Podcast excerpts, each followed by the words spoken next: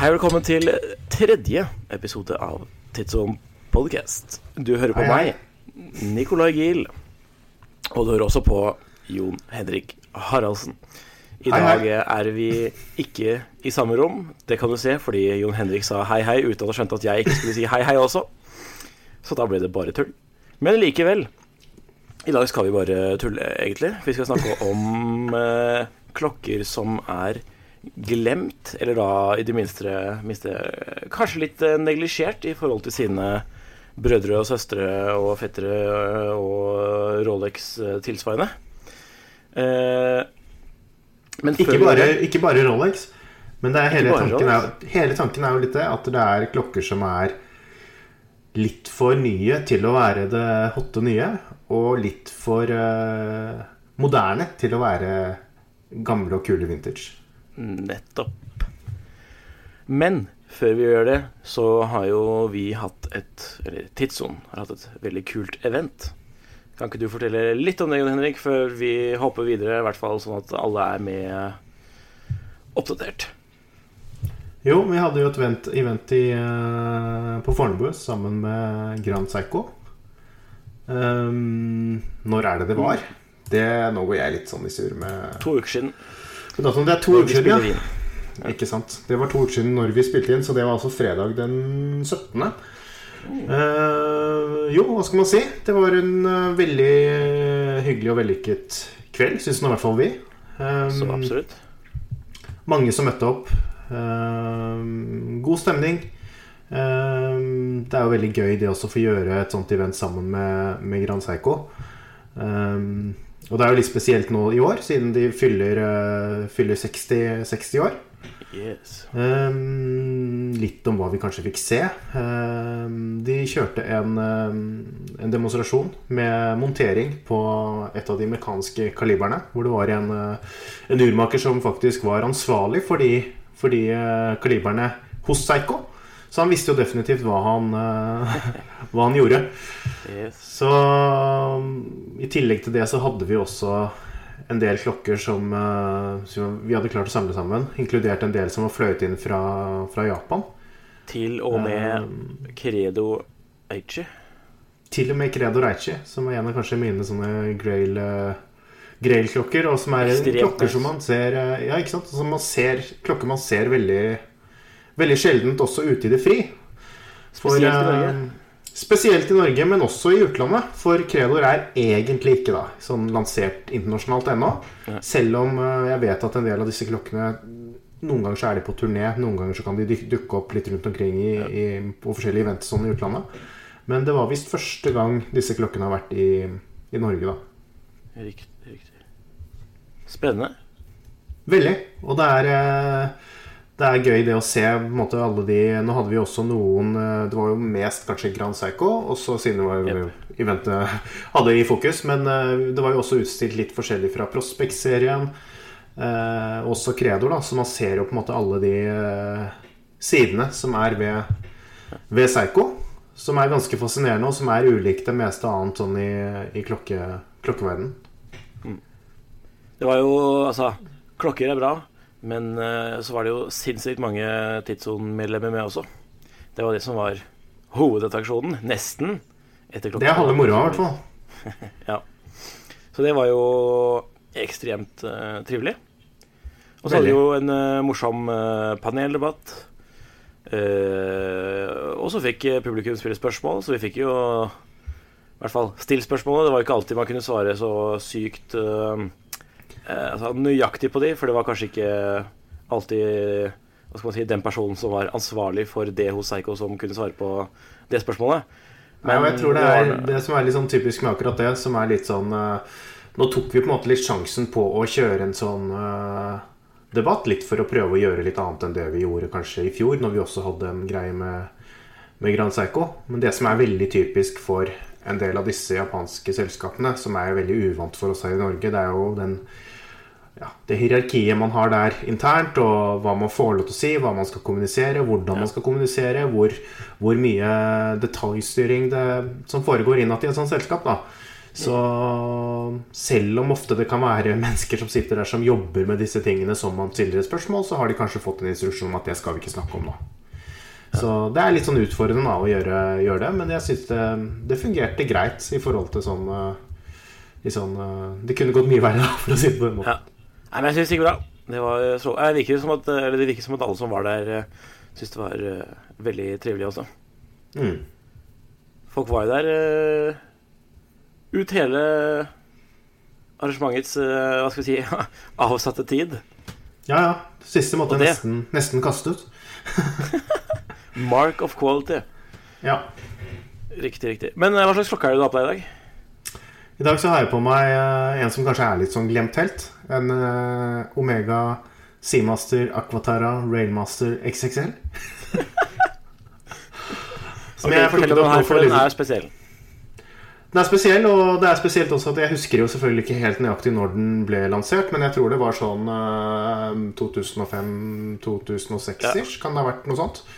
Eh, ja, den klokken som jeg har, den er fra 2007, men jeg tror den kom litt før, før det. Eh, det var jo mens fortsatt Omega Kanskje det vi snakket mye om i forhold til Omega på den tiden, var kanskje det hvordan de prøvde å Prøvde å reposisjonere seg litt for å komme litt høyere. De hadde jo fortsatt veldig mye ETA-verk på den tiden. Eh, De hadde vel akkurat så vidt begynt med disse eh, Altså koaksialsystem og sånn. Mm. Så det, det var det som var den store liksom sånn tekniske snakkisen de snakket om. Mm. Um, så det er jo en railmaster, eller en slags tolkning av, eh, av gamle railmaster, men i en sånn kjempeformat. 49,2 millimeter i diameter. Som jo kanskje gjenspeiler litt den tiden eh, som klokken eh, ble lansert, hvor det var kult med litt store klokker. Ja. Eh, hvor Panerai var kult. Det var veldig kult. Det er jo kult fortsatt, men hvor det kanskje var ekstra ja, kult. Og, og um, Big Pilot, eh, store Breitlings At det var kanskje litt mer Ja, litt mer stuerent enn det det er i dag. Ja. Kan vi eh, få lov til å døpe denne klokken, eh, eller gi den et nickname eh, i dag, i denne episoden? Ja, hvis, du har, hvis, du har et godt, hvis du har et godt kallenavn for den. Jeg har det. Vi kaller den uh, Omega Clarkson Railmaster Aquaterra Seamaster. Ja, ok. Det ble Fordi- litt motsatt. det. Ble det? Ja. Fordi det, det er Seamaster, Aquaterra, Railmaster. Å ja. Det var vel sikkert fordi Omega Poenget mitt var jo- Ja, jeg skjønner hva du mente. ja. For det er en, det er en kjent person som har uh, har, uh, har blitt litt kjent for å bruke den klokken. Jeremy Clarkson. Og han har i en nyeste sesong av uh, det Top Gear-gutta gjør nå, det er jo The Grand Tour, så kritiserer han folk som liker klokker. Så har de sånn derre seanse der hvor de kjøper fake eh, hubla og sånn. Mm. Eh, ja. Men dog, jeg syns at den burde få kallenavnet Clarkson. Clarkson. Ja. Og alle de tre navnene som du sa, i riktig rekkefølge. Det er morsomt, da. For det, er, det viser jo litt sånn kanskje litt sånn fomlende Omega. Litt annerledes enn kanskje det var eh, en sånn merke prøver i hvert fall å fremstå i dag. Hvor de kanskje ikke visste helt om de skulle, hva de skulle gjøre med Railmaster. Om de skulle, skulle mm, gjøre det som en egen kolleksjon, eller kanskje de syntes det var litt for sært for det, så de ville bare gjøre det på den måten der. Så det står jo faktisk også på på baklokket. Seamaster Aquaterra. Og så er det jo Railmaster, for det er det som står på, på skiven foran. og så er det et sånt gigantisk uh, lommururverk i den. Unitasverk. Klassisk sånn lommeurverk. Men det er jo Omega sin utgave, så de kaller det vel for 22.0 uh, 2201, tror jeg de kaller det. Kaliber. Så det er litt Samme annerledes. Som Panerai brukte, sannsynligvis. eh, Eh, på samme tid. Ja, nesten, det er nesten det samme. Panerai 60, 64, 97. Det er vel den med For Panerai har vel eh, De har jo ikke um, subdial for sekunder klokken seks. De har det vel klokken ni. Så det er, men det er en Ja, variant seks, Så det er en variant av den, da. Uh, bare at Forskjellen er egentlig bare at subdial er klokken seks i stedet. Og Så, men, sikkert eh, enda mer enn Seamasteren. Ja, men, også, men Panerai også har jo reworka den litt, da. Sånn at kloben og Ja. sånn er jo litt Litt annerledes enn hvis man bare kjøpte verket sånn fra, fra ETA. Og det er veldig pent finisjert og sånn også. Det er Omega Ja, Omega-verken sitter der. De har skrevet navnet sitt der, og de har kjørt på med litt uh, Genéve-striper og ja, perlasj, faktisk, i liksom der hvor, uh, hvor reguleringsarmen på balansen sitter. Så det er litt sånn Ja, det er bra. Ikke dumt.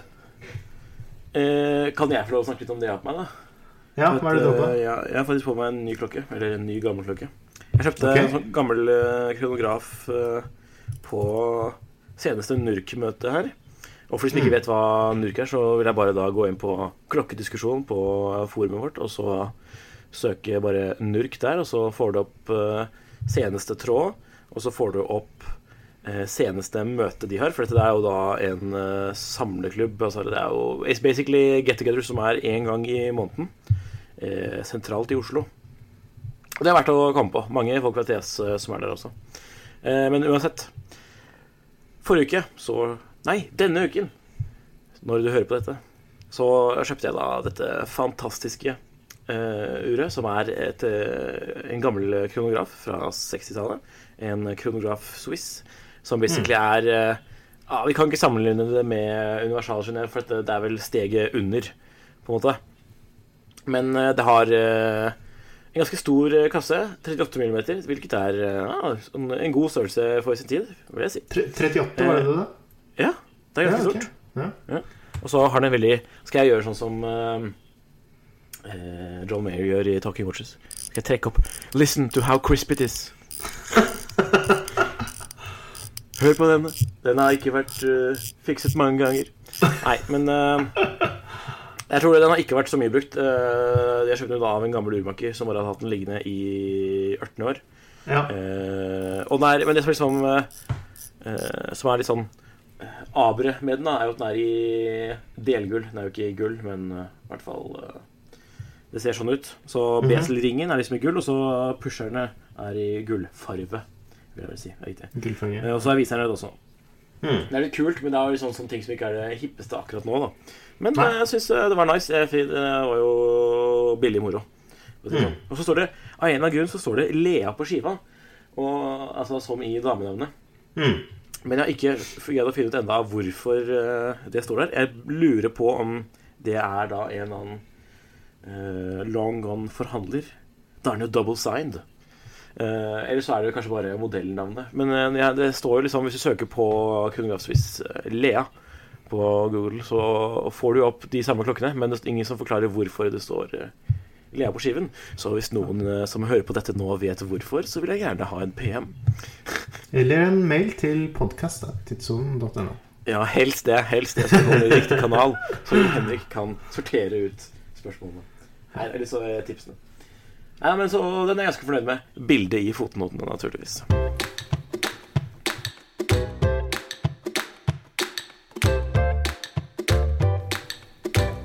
Da tror jeg vi kan gå over til uh, hovedtemaet vårt for denne episoden. Som da er glemte helter. Og vi toucha jo på det når vi starta poden her nå. Men Jon Henrik, det var jo du som lagde denne kategorien uh, i bloggen, så kan ikke du fortelle hva som er uh, Hva skal vi si altså, altså Kravene til et ur som skal være en glemt helt, hva er det? Nei, Det var jo litt som jeg sa tidligere, at det, er, um, det skal være litt eldre ur. Eh, ikke det man kanskje tenker på typisk som, som vintage, men litt nyere, litt nyere enn det. Ikke, ikke disse vintageurene som er kjempepopulære, og som nå blir solgt til vanvittige priser, men ting som kanskje er fra en litt sånn Ja, litt som den perioden som jeg snakket om tidligere på denne, denne Seamaster uh, Remaster Revelmaster XXL. Som er fra sånn rundt 2000, men kanskje fra 90, fra 90 til litt ut på 2000-tallet. da Eh, klokker som kanskje mange som kommer inn i hobbyen, som har kommet inn i hobbyen nå de seneste årene, kanskje ikke engang kjenner til. Eh, og klokker som er for nye for at de som har samlet på vinters hele tiden med 50-, og 60- og 70-tallet sånn, har eh, Altså ting som ikke er interessant for dem. Mange av dem, da. Men likevel så kan du altså se John Goldberger går med én av de klokkene vi skal uh, snakke om i dag. Som da ikke er den nyeste av de, da, men uh, dog, vi snakker 80-tallet. Ja. Nei, det er jo litt Og sånn ikke en sub. eh, Nei, jeg, jeg tror jeg vet hvilken du tenker på nå.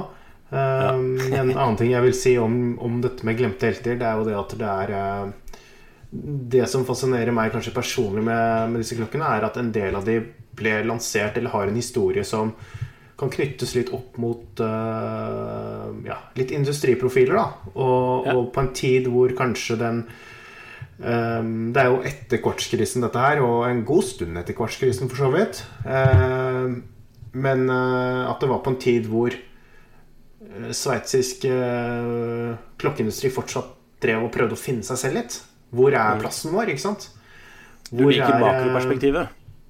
Jeg syns det er gøy. Jeg synes det er veldig gøy. Og jeg syns det er gøy med liksom når man ser um, Spesielt kanskje jeg, jeg trekkes jo egentlig litt mot IWC fra den perioden. Med Kurt Klaus og Richard Habring og alle disse eh, som har blitt liksom store navn senere. da Men hvor det kanskje var hvor de, hvor de eksperimenterte med materialer og komplikasjoner og industrialisering og ting som man ser går igjen nå, når det er liksom Når man ser Tag Hoier komme med en, eh, en billig tourbillon, så er det IWC tenkte den tanken med å gjøre det med komplikasjoner for mange tiår før det. ikke sant? Ja. Og det er sånn kult at man ser de, eh, de starten på en del av det man ser veldig tydelig i dag. Det er det man ofte kan se i en del av disse glemte heltene. Nice. Det er spennende.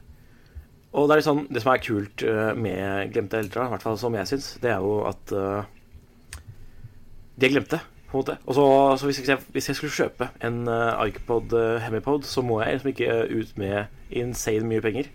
Jeg kan liksom Nei. skaffe en svært pen utgave til en eh, rimelig pris. pris. Ja, Og det er jo litt av eh, sjarmen også. Det betyr liksom du kan stikke av med en perpetual calendar fra IWC, fra det kanskje Jon Henrik kaller deres gulltid, eh, eller gullalder, mm. til mellom liksom eh, 85 og 100 000 kroner. ja. Og Kanskje billigere også. kanskje billigere. Og I, til og med det- i titan. Ikke sant? Og, men eh, det som er litt gøy, det er jo det at også, som du sier, prisene kan ofte være veldig ja, Etter min mening så er det ofte underpriset da, i forhold til det man får. Og hvis man sammenligner på hva kanskje ting som er nyere utgaver av de samme tingene, hvor mye det går for, og hvor mye, mye Ja. merkene skal ha for det i dag, ikke sant? Så, men, Men det, det er ikke nødvendigvis Ja, det er Det korrelerer jo gjerne med et litt sånn um, En acquired taste, på en måte, i utseendemessig, utseendemessig Noen ganger så gjør det det, og ting som kanskje Ja. ikke er helt sånn uh, En av de klokkene som jeg tok frem i den eh, En av de, Den første klokken var det vel faktisk som jeg tok frem i den spalten, var jo en uh, Jeger LeCoultre Master Compressor Extreme World Chronograph. Som jeg fortsatt Som- ikke syns er fin.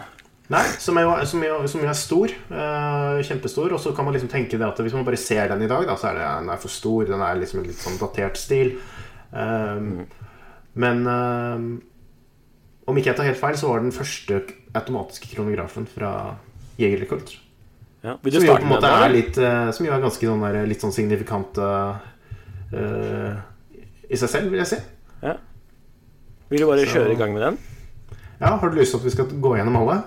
Nei, ikke alle, men uh, vi kan velge Ja. Jeg tenkte vi skulle liksom velge et par av våre favoritter. Velge et par av våre favoritter. Ja. uh, Den Nei, er den- ikke en av mine favoritter. Nei, det skjønner jeg. Den er, men altså, den har, eh, det er en stil som jeg syns er kul. Som jeg, eh, men det har også litt, litt sånn personlig, for det er en stil jeg likte veldig godt når jeg på en måte ble for alvor uh, hekta på klokker. Ja. Sånn kanskje rundt 2005-2006 eller noe sånt. Nå. Litt før jeg startet Tidssonen. Når du skulle være KGB-gutt. Kanskje før BI. Okay. jeg, tror, jeg tror faktisk jeg oppdaget det før jeg begynte på BI. Men jeg kjøpte den første jegeren men jeg gikk på BI. Det stemmer. Uh, ja, nei, jeg syns den er kul. Eh, jeg skjønner veldig godt det at det kan være litt sånn acquired taste. Eh, Men hvis man går til videre neste, neste klokke som jeg skrev om her i, i spalten, det var jo den IWC GST Perpetual Calendar. Som nice. jeg tror hadde de sluppet den i dag, så kunne det blitt en, blitt en veldig med, sånn uh... Med blå skive. ja, eller, eller kanskje, kanskje ikke de skulle sluppet den nå, for nå har det på en måte kanskje blitt litt sånn at Ja. sier man at nei, de bare prøver å profitere på, på den der uh, trenden med integrert lenke og sporty luxury og, og det. Så Ja, men hvor litt dyr var denne i sin tid? Nei, du, det vet jeg faktisk ikke. Det Jeg vil anta at den var billigere enn ekvivalenten til Patek, Ja, ja, ja. ja, ja. med god Det, margin. det må den jo være. Uh, Og sikkert uh, Bulgari-greier og Eller det var kanskje ikke noe 2001 var det den, var den ble lansert. Nei, altså den, jo, den er jo mye enklere. Det var 7750-verk med den der eh, billige Eller det er å Modulen? si det, kanskje. Men altså evighetskalendermodulen til Kurt Klaus. Ja. Som jo er genial, men det er og, og sånn veldig Veldig fail-proof i forhold til at man kan, kan ikke Man kan ikke tøyse det til for mye. For det er ikke så mye å stille på sånn eh, for, for brukeren. Men selv om det er en eh, modul fra IWC, så er den ikke usedvanlig tykk. Nei, den er jo kanskje litt, eh, litt tykkere både med i forhold til Ja. Nei, den er, den er ikke det. Nei.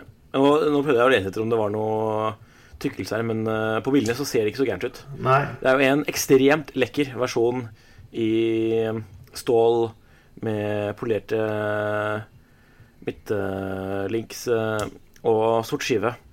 Mm. Som eh, vi da linker opp i fotot her. Men eh, så, Eller eh, lakserosa, lakse, lakserosa skive. En frekk Den, eh, lakserosa. den. Den hadde jo vært eh, veldig moderne i dag, faktisk. Ja, det er det jeg tror også. Men, men så er det et spørsmål om, om den hadde blitt godt mottatt. Fordi kanskje det er litt sånn at man kaster seg på den bølgen. Men hva med deg? Har du noen, eh, noen favoritter? Ja, Først vil jeg bare si at uh, etterpå så skal jeg gå på Krono og lete etter den her. Men uh, jeg sier vi ser Den første jeg skrev om, det var jo Icopod uh, Hemipode. Yes. Uh, verdens Ja, den kan, jeg si, den, den kan jeg si Den er ikke jeg så veldig begeistret for. Hæ? ja, ok. Men jeg syns den er dritfett. Eh, dette her er jo da en eh, eh, Altså, når den kom, så lurer jeg på om jeg ville kalt det en moteklokke, men det er jo egentlig ikke det. For det, er jo mye mer bakte bak det enn et liksom et hva skal vi si, klesdesign. Det ble kanskje litt feil. Men dog. Det er jo Mark Newson, Mm. svært kjente designer fra Australia, som tegnet den her på slutten av eh, 80-tallet. Mm. Og det som liksom er det mest signifikante med Ikepoden, er jo ikke klokken i seg selv, men eh, stroppen, holdt jeg på å si. Remmen. Bandet, som de sier på svensk. Og det er da denne gummireimen Ja. som nå alle går rundt og farter med på sin Apple Watch. Det er ganske interessant. Så på 90, eller 94 så slo han da liksom eh, Han slo sitt eh, design, eh, klokkedesignavdeling sammen med en uh, sveitsiske forretningsmann som het Oliver Ike. Hmm. Og da kom de først med en som het Seaslug, som da var en dykkerklokke med ETA-urverk. Og så kom Hemipode i 1998. Og det er den da som har denne reimen som du finner på Apple Watch. Den er da tilnærmet identisk. Fordi Mark Newson skulle jo senere da jobbe i eh, Apple. Yes. Så han eh, ble ansatt hos, dem i 2015, eh, tror jeg. Det må stemme. Ja. Eh, så Ja. Det er ikke liksom reimen jeg syns er kulest med Hemipod, men hvis man eh, liker design, så tror jeg man faktisk liker Ipod. Jeg tror eh, at en viss Houdinki-professor hadde likt dette designet, for han liker arkitektur. Mm. Uh, så utover det så er jo Icopod uh, ingenting i dag, på en måte. Uh, på Basel så så vi jo for øvrig de som prøvde å eh, gi liv til Brandyen. Men da Du ble jo, du ble jo bestukket med, du ble jo bestukket med honning, til og med. Så, Honning er riktig. litt, det, funger, det fungerte tydeligvis ikke. Det var jo da to uh, sveitsiske gutter som prøvde å fikse opp uh, merket, men eh, det går så som så. Ja. Det var, altså Designet var, eh, altså, var liksom Icopod på 90-tallet hadde en veldig, veldig bra gjennomførelse. Altså Mm. byggekvalitet. Mens de som vi fikk se på Basil altså det, men det, det, ah, det, var, det var mer, når, du snakker om moteklokke, da, så var jo det, det var jo mer moteklokke. Nettopp. Si. Ja. Det kan jo hende at det er i Prisen var veldig liksom, mye mer eh, sympatisk også, var den ikke det? Prisen. Jo, den var, den var veldig overkommelig. Mm. Men det er jo Det var jo ikke iPod-prisen. Den var jo Eller den originale iPod var jo dyr. Og stor, for øvrig. Den var 47 millimeter. Eh, den bærer jo sikkert ikke så mye. Eller jeg fikk jo prøve han eh, som prøver å Ja, en av de som prøver å fikse opp uh, merket sin eh, originale iPod. Ja. Uh, Hemipode, som er den eh, aller liksom, eh, største. Ja, det var bare ja, det, det er heftig. Det er sånn jeg liksom kunne vurdert Ja, nå har jeg i hvert fall to ting jeg skal se på Krono 24 etterpå. Mm. Så det er fint. Mark Newson har for øvrig også designet uh, Atmos-bordklokken. Uh, Stemmer. Så det er jo heftig. Uh, ja, eh, rett og slett eh, verdt å sjekke ut. Det var faktisk en, en Seaslug på finn.no i fjor, om jeg ikke husker helt feil, som jeg tror jeg har fått tilbud av om å kjøpe igjen. Så hvis du som sendte meg den meldingen, hører på nå, så ja. You know what to do. Send en e-post til podkast.tidsområdet. Ikke pen. og så Ja, det var liksom Utover det så har ikke iPod så veldig mye å snakke om, men liker man design, så tror jeg faktisk man liker iPod, og det tror jeg altså. Den har en sånn der, en rar eh, plass i mitt sånn samlehjerte. Men jeg føler også kanskje at på den tiden hvor, hvor den ble lansert, eller da den ble lansert, så var eh, kanskje klokkeentusiaster også kanskje litt mer åpne til den, den slags type Men på, Ja, på, I hvilken aspekt da? Med tanke på design, eller Ja, med tanke, på det å eh, med tanke på det å akseptere den for den er, da, og ta den for den er. Enn altså, mm. en, en hadde, hadde den blitt sluppet i dag, så hadde det vært masse Nei, nå er sikkert jeg litt sånn fordomsfull, da. Men det hadde jo, vært masse, masse sånne folk som. Folk som, som oppdaget uh, Rolex og Tudor og sånn for ett og et halvt år siden. Altså de hadde bare dømt det nord og ned fordi nei, det er moteklokke og bla, bla, bla. bla, og så hadde det liksom feilet fullstendig. Mens på den tiden så føler jeg at folk var litt mer sånn Ja, kanskje litt Nei, mer åpne, da. altså- For det, var jo, det er jo bra håndverk. Det er ikke noe å si på kvaliteten og sånn på det. Som, Nei, du som, og så lenge det er det, så Og så har det den jo faktisk faktisk satt sitt preg på klokkehistorien ved å ha basically kommet opp med designet til reimen til Apple Watch. Mm. Og du kan jo dømme Apple Watch uh, altså nord og ned eller syd og ned, eller hva faen man sier. Men uh, det har jo satt sitt preg på klokkehistorien. absolutt. Og da har jo iPod gjort det også. Mm. Takk til Mark Newson. Uh, og så går jo, i hvert fall for min del, så gikk jo skriveriet videre da til eh, Og da henviser jeg da til eh, henvisningen jeg tok til John Goldberger tidligere i stad. Mm. eh, med uret han har blitt observert med, som er da dette kompassuret til Hvem, er John, hvem er John Goldberger? Hvis ikke ja, Hvis du ikke er? kjenner John Goldberger, så må du bare putte det inn i google.com umiddelbart. eh, Og trykke på følg-knappen på Instagram. For dette er jo da en av vår tids eh, kuleste klokkesamlere, kan det sies. Han har jo en av de heftigste talking watches, eller han har den heftigste talking watches, hvor han da åpner opp eh, På kassen på, på sin På Hodinki, ja. Opp kassen på sin Hva er det han åpner, da? Er det en uh, Patek Ertslag, eller er det en veldig gammel Longin? Jeg husker jeg ikke. Men han åpner jo da den klokken som koster meget, eh, med en ostekniv og en eh, ganske, veldig, en ganske koselig lunsjrestaurant eh, i eh, Han tørker jo selvfølgelig av kniven først på dressen, om jeg ikke, Ja, på sin På jakken, om jeg ikke. Mm. jeg ikke husker feil. Han er jo en uh, trendsetter, da. Det kan man si. Ja, ja. Uh, og han har jo da en sånn, kom- et kompassur i den svært sjeldne fargen grønn. Mm. En sånn Army green uh, powder coating. Hva er det det heter Mm. på godt norsk, da? Pulverlakkert. DLC. Ja, ja. ja. Nei, det er, det er kanskje noe annet, men eh, ja. ok. Ja. Uansett. Dette er jo da Når du ser liksom på klokka sånn uh, rett fra, så ser det ut som hvilket som helst annet, uh, hvilket som helst annet uh, armbåndsur. Men så har du en knapp på den ene løggen. Uh, mm. Eller på den Denne rem, rem, rem, remfeste. Ja, remfeste hornet. Eh, hvor du da kan trykke, trykke inn, og så popper liksom eh, Deler utkasten seg i to. Sånn at eh, på innsiden, hvor du liksom ellers ville kanskje åpnet opp for å se på urverket, da får jeg se et kompass. Det er kult. Og så har du speil til og med, så du kan bruke det du skal sminke deg. Um, det var jo veldig spesielt i sin tid, og er vel veldig spesielt i dag. Mm. Uh, det er jo også med Porsche-design, Mm. for øvrig. Hvilket sikkert spille litt inn på det at eh, det er så spesielt. uh, og hvorfor kanskje ikke IWC hadde turt å gjøre det alene. Det tror jeg kanskje ikke de hadde turt. Uh, men uh, ja, dette her var da på 70-tallet. Uh, 1978, for å være helt eh, nøyaktig. Referansen for de som vil søke det her opp, det er da 3510. Eh, og det som er litt kult, da, er jo at det var, at det var Ferry Porsche som faktisk designet klokka. Mm. Så da er det jo faktisk Porsche-design, ikke bare noen som jobbet der angivelig, da, som designet det. Det er gøy. Og hadde, hadde den blitt designet i dag, så hadde det sikkert vært fra Victorinox eller Luminox eller noe sånt. Ja, den ikke. Nei da. Ja, det- men det er, ikke, det er ikke så søkt, det, med Victorinox. Nei, nei, nei, det var litt sånn spøk med litt alvor. Fordi det, det er et veldig spesielt design, og det er um, kult. Og så er det selvfølgelig kult at det er gjort så gjennomført som det det er når det er IWC og, Gjennomført, ja.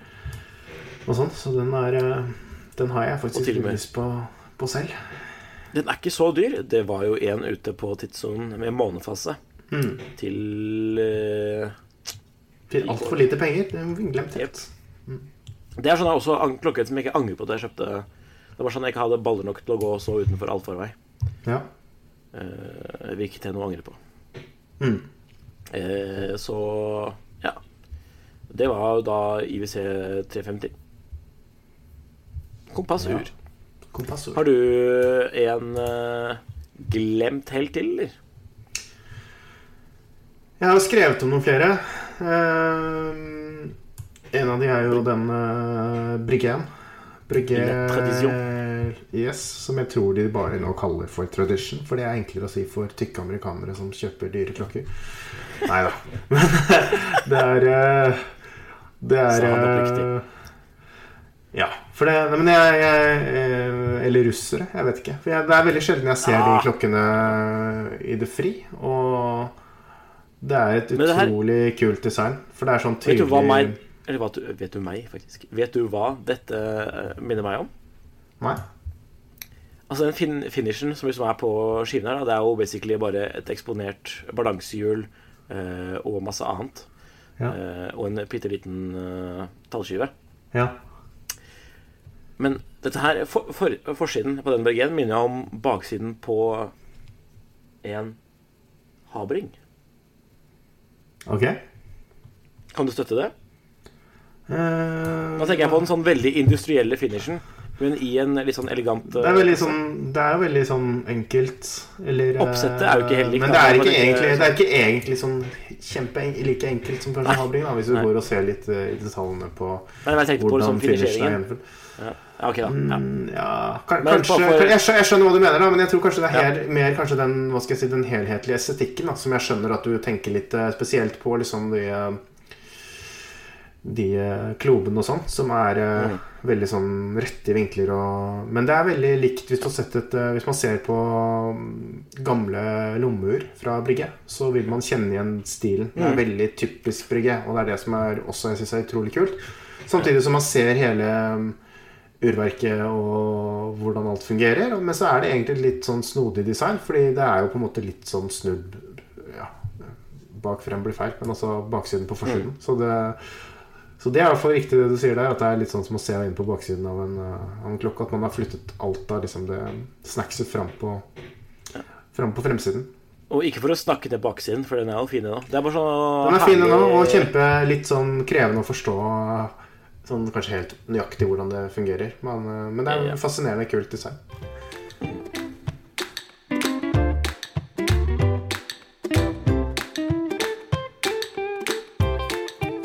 Sånn apropos Patek-museet i Genéve. Der, Ja. eh, der eh, husker jeg at det er mye som minner meg om dette. Når du sånn nevnte gamle brygge, lommeur, og bare generelt. For der har du vel muligens også en del brygge? Jepp. Fordi eh, hele den første etasjen du går gjennom, er jo basert på liksom watchmaking eh, i Genéve in general. Eller i Sveits, mm. for den saks skyld. Mm. Så det er jo fascinerende. Var du er der nå? Si For du, for du var i Genéve nå nylig. Var du i museet da, eller har du vært der tidligere? Nei, ikke, vi skulle egentlig på museet. Jeg er jo en eh, kompis som er eh, klokkehandler, eller watchdealer på godt nynorsk. Eh, Vi skulle egentlig innom der, men eh, det var stengt. Så dere gikk Og drakk øl- i stedet?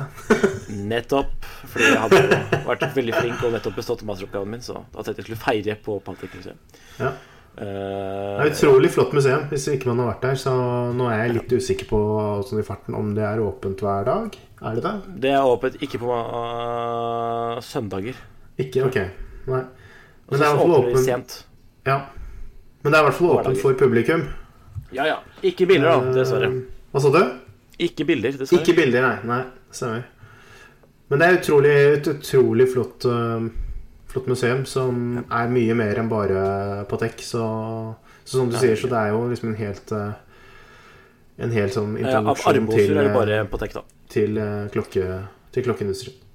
Ja, er det gøy. Det er bare ekstremt fascinerende å gå rundt og se. Og så anbefaler jeg faktisk å være superturist og bare ta inn av de iPadene med sånn hørelur her. Og Mm. ta sånn uh, guided audio tour, som det heter på Ja. norsk. Ja, så det er Men det er vel nesten Armosur ar er vel nesten Ja, jeg vet ikke om det er Det er bare én etasje. Ja, så det er, mye, det er egentlig mer av uh, andre typer klokker enn yep. en Armosur, hvis ikke jeg husker helt feil. Det er faktisk helt korrekt. Mm. Eh, og så er jo Patek-butikken, eller butikken, i Genéve også et lite museum i seg selv. da Ja. Sånn apropos. Verdt å stikke innom der, da. Hmm. Eh, sånn, utover det så har jo ikke Genéve noen særlig sånne eh, klokkemuseer. Da må du dra til Neuchâtel eller eh, Bienne utover hmm. der for om, respektive Omega-museet og eh, International Museum of Horology, tror jeg det heter. Eh, begge to har vært å besøke. da Hmm. Det burde jeg egentlig gjort en sånn fotorapport på mens jeg var der, men eh, akk. Mange av merkene har sine egne museer, som også kan være mye mer omfattende enn det man kanskje skulle tro at de, at de er. Mm. Og det er ganske Problemet er kanskje det er ikke alltid helt like åpen, åpenlyst hvordan man får tilgang der. Og Nei. det er ikke alt som er åpent som vanlige museer, selv om det er, selv om det er såpass stort at det kanskje kunne Vært det. kunne vært det, fordi folk, hvis bare folk visste om hvor, hvor bra det var, så hadde det hadde i hvert fall en del av oss klokkenerder tatt, tatt turen litt bare for å ta en sånn runde. Ja, Patek, Mute- Pat, Patek vet du, og kjenner jo alle til. Ja. Uh, så det er jo mye turister her eh, hele tiden, basically. Men det er ikke sånn at det er folksomt der. Det er ikke. Nei. Vil jeg ikke si. Nei. Herlig. Uh, er det noe mer du har lyst til å snakke om i dag, eller? Jeg har egentlig bare litt lyst til å snakke om litt hva som uh, skjer fremover, men kanskje også hva som har skjedd nå nylig. At vi har fått øh, en øh, ny redaktør på tidssonen.no. Uh, Ja. Jørgen Erdal. Eh, Hei, Jørgen. Ja, Jørgen, Jørgen er hører kanskje på nå. Han fikk ikke vært med på podkasten nå, men det kommer han sikkert til å være med, med på senere. Så avgjort. Eh, vi kommer garantert til å prøve å få til noe podkast litt eh, sånn eh, Ja, kanskje daglig fra, fra Genéve og, og Basel. Nå er det sånn i år at de, eh, de tingene kommer litt, eh, litt senere. Så det blir jo da henholdsvis i Skal vi se Jeg går så surr med de dagene. Eh, April. 25. april, ja. Som Ja, det heter jo ikke SEH lenger. Det heter Watches and Wonders. Watches of Wonders Genève starter eh, 25. april og varer frem til den 29. eller noe 28. eller noe sånt. Da. Og etter det så starter Basel vel da den eh, Ja, det åpner vel for publikum den 29. Og frem til den tredje. Så fjerde. så det er litt sånn veldig, veldig, veldig forflyttet i år, hvor alt er forskjøvet veldig langt frem. Og før den tid så skal jo jeg til, eh, til eh, Tokyo Japan. for Grand Seiko sin sin mini- minibasel, eller hva jeg skal kalle det, i mars. Mm.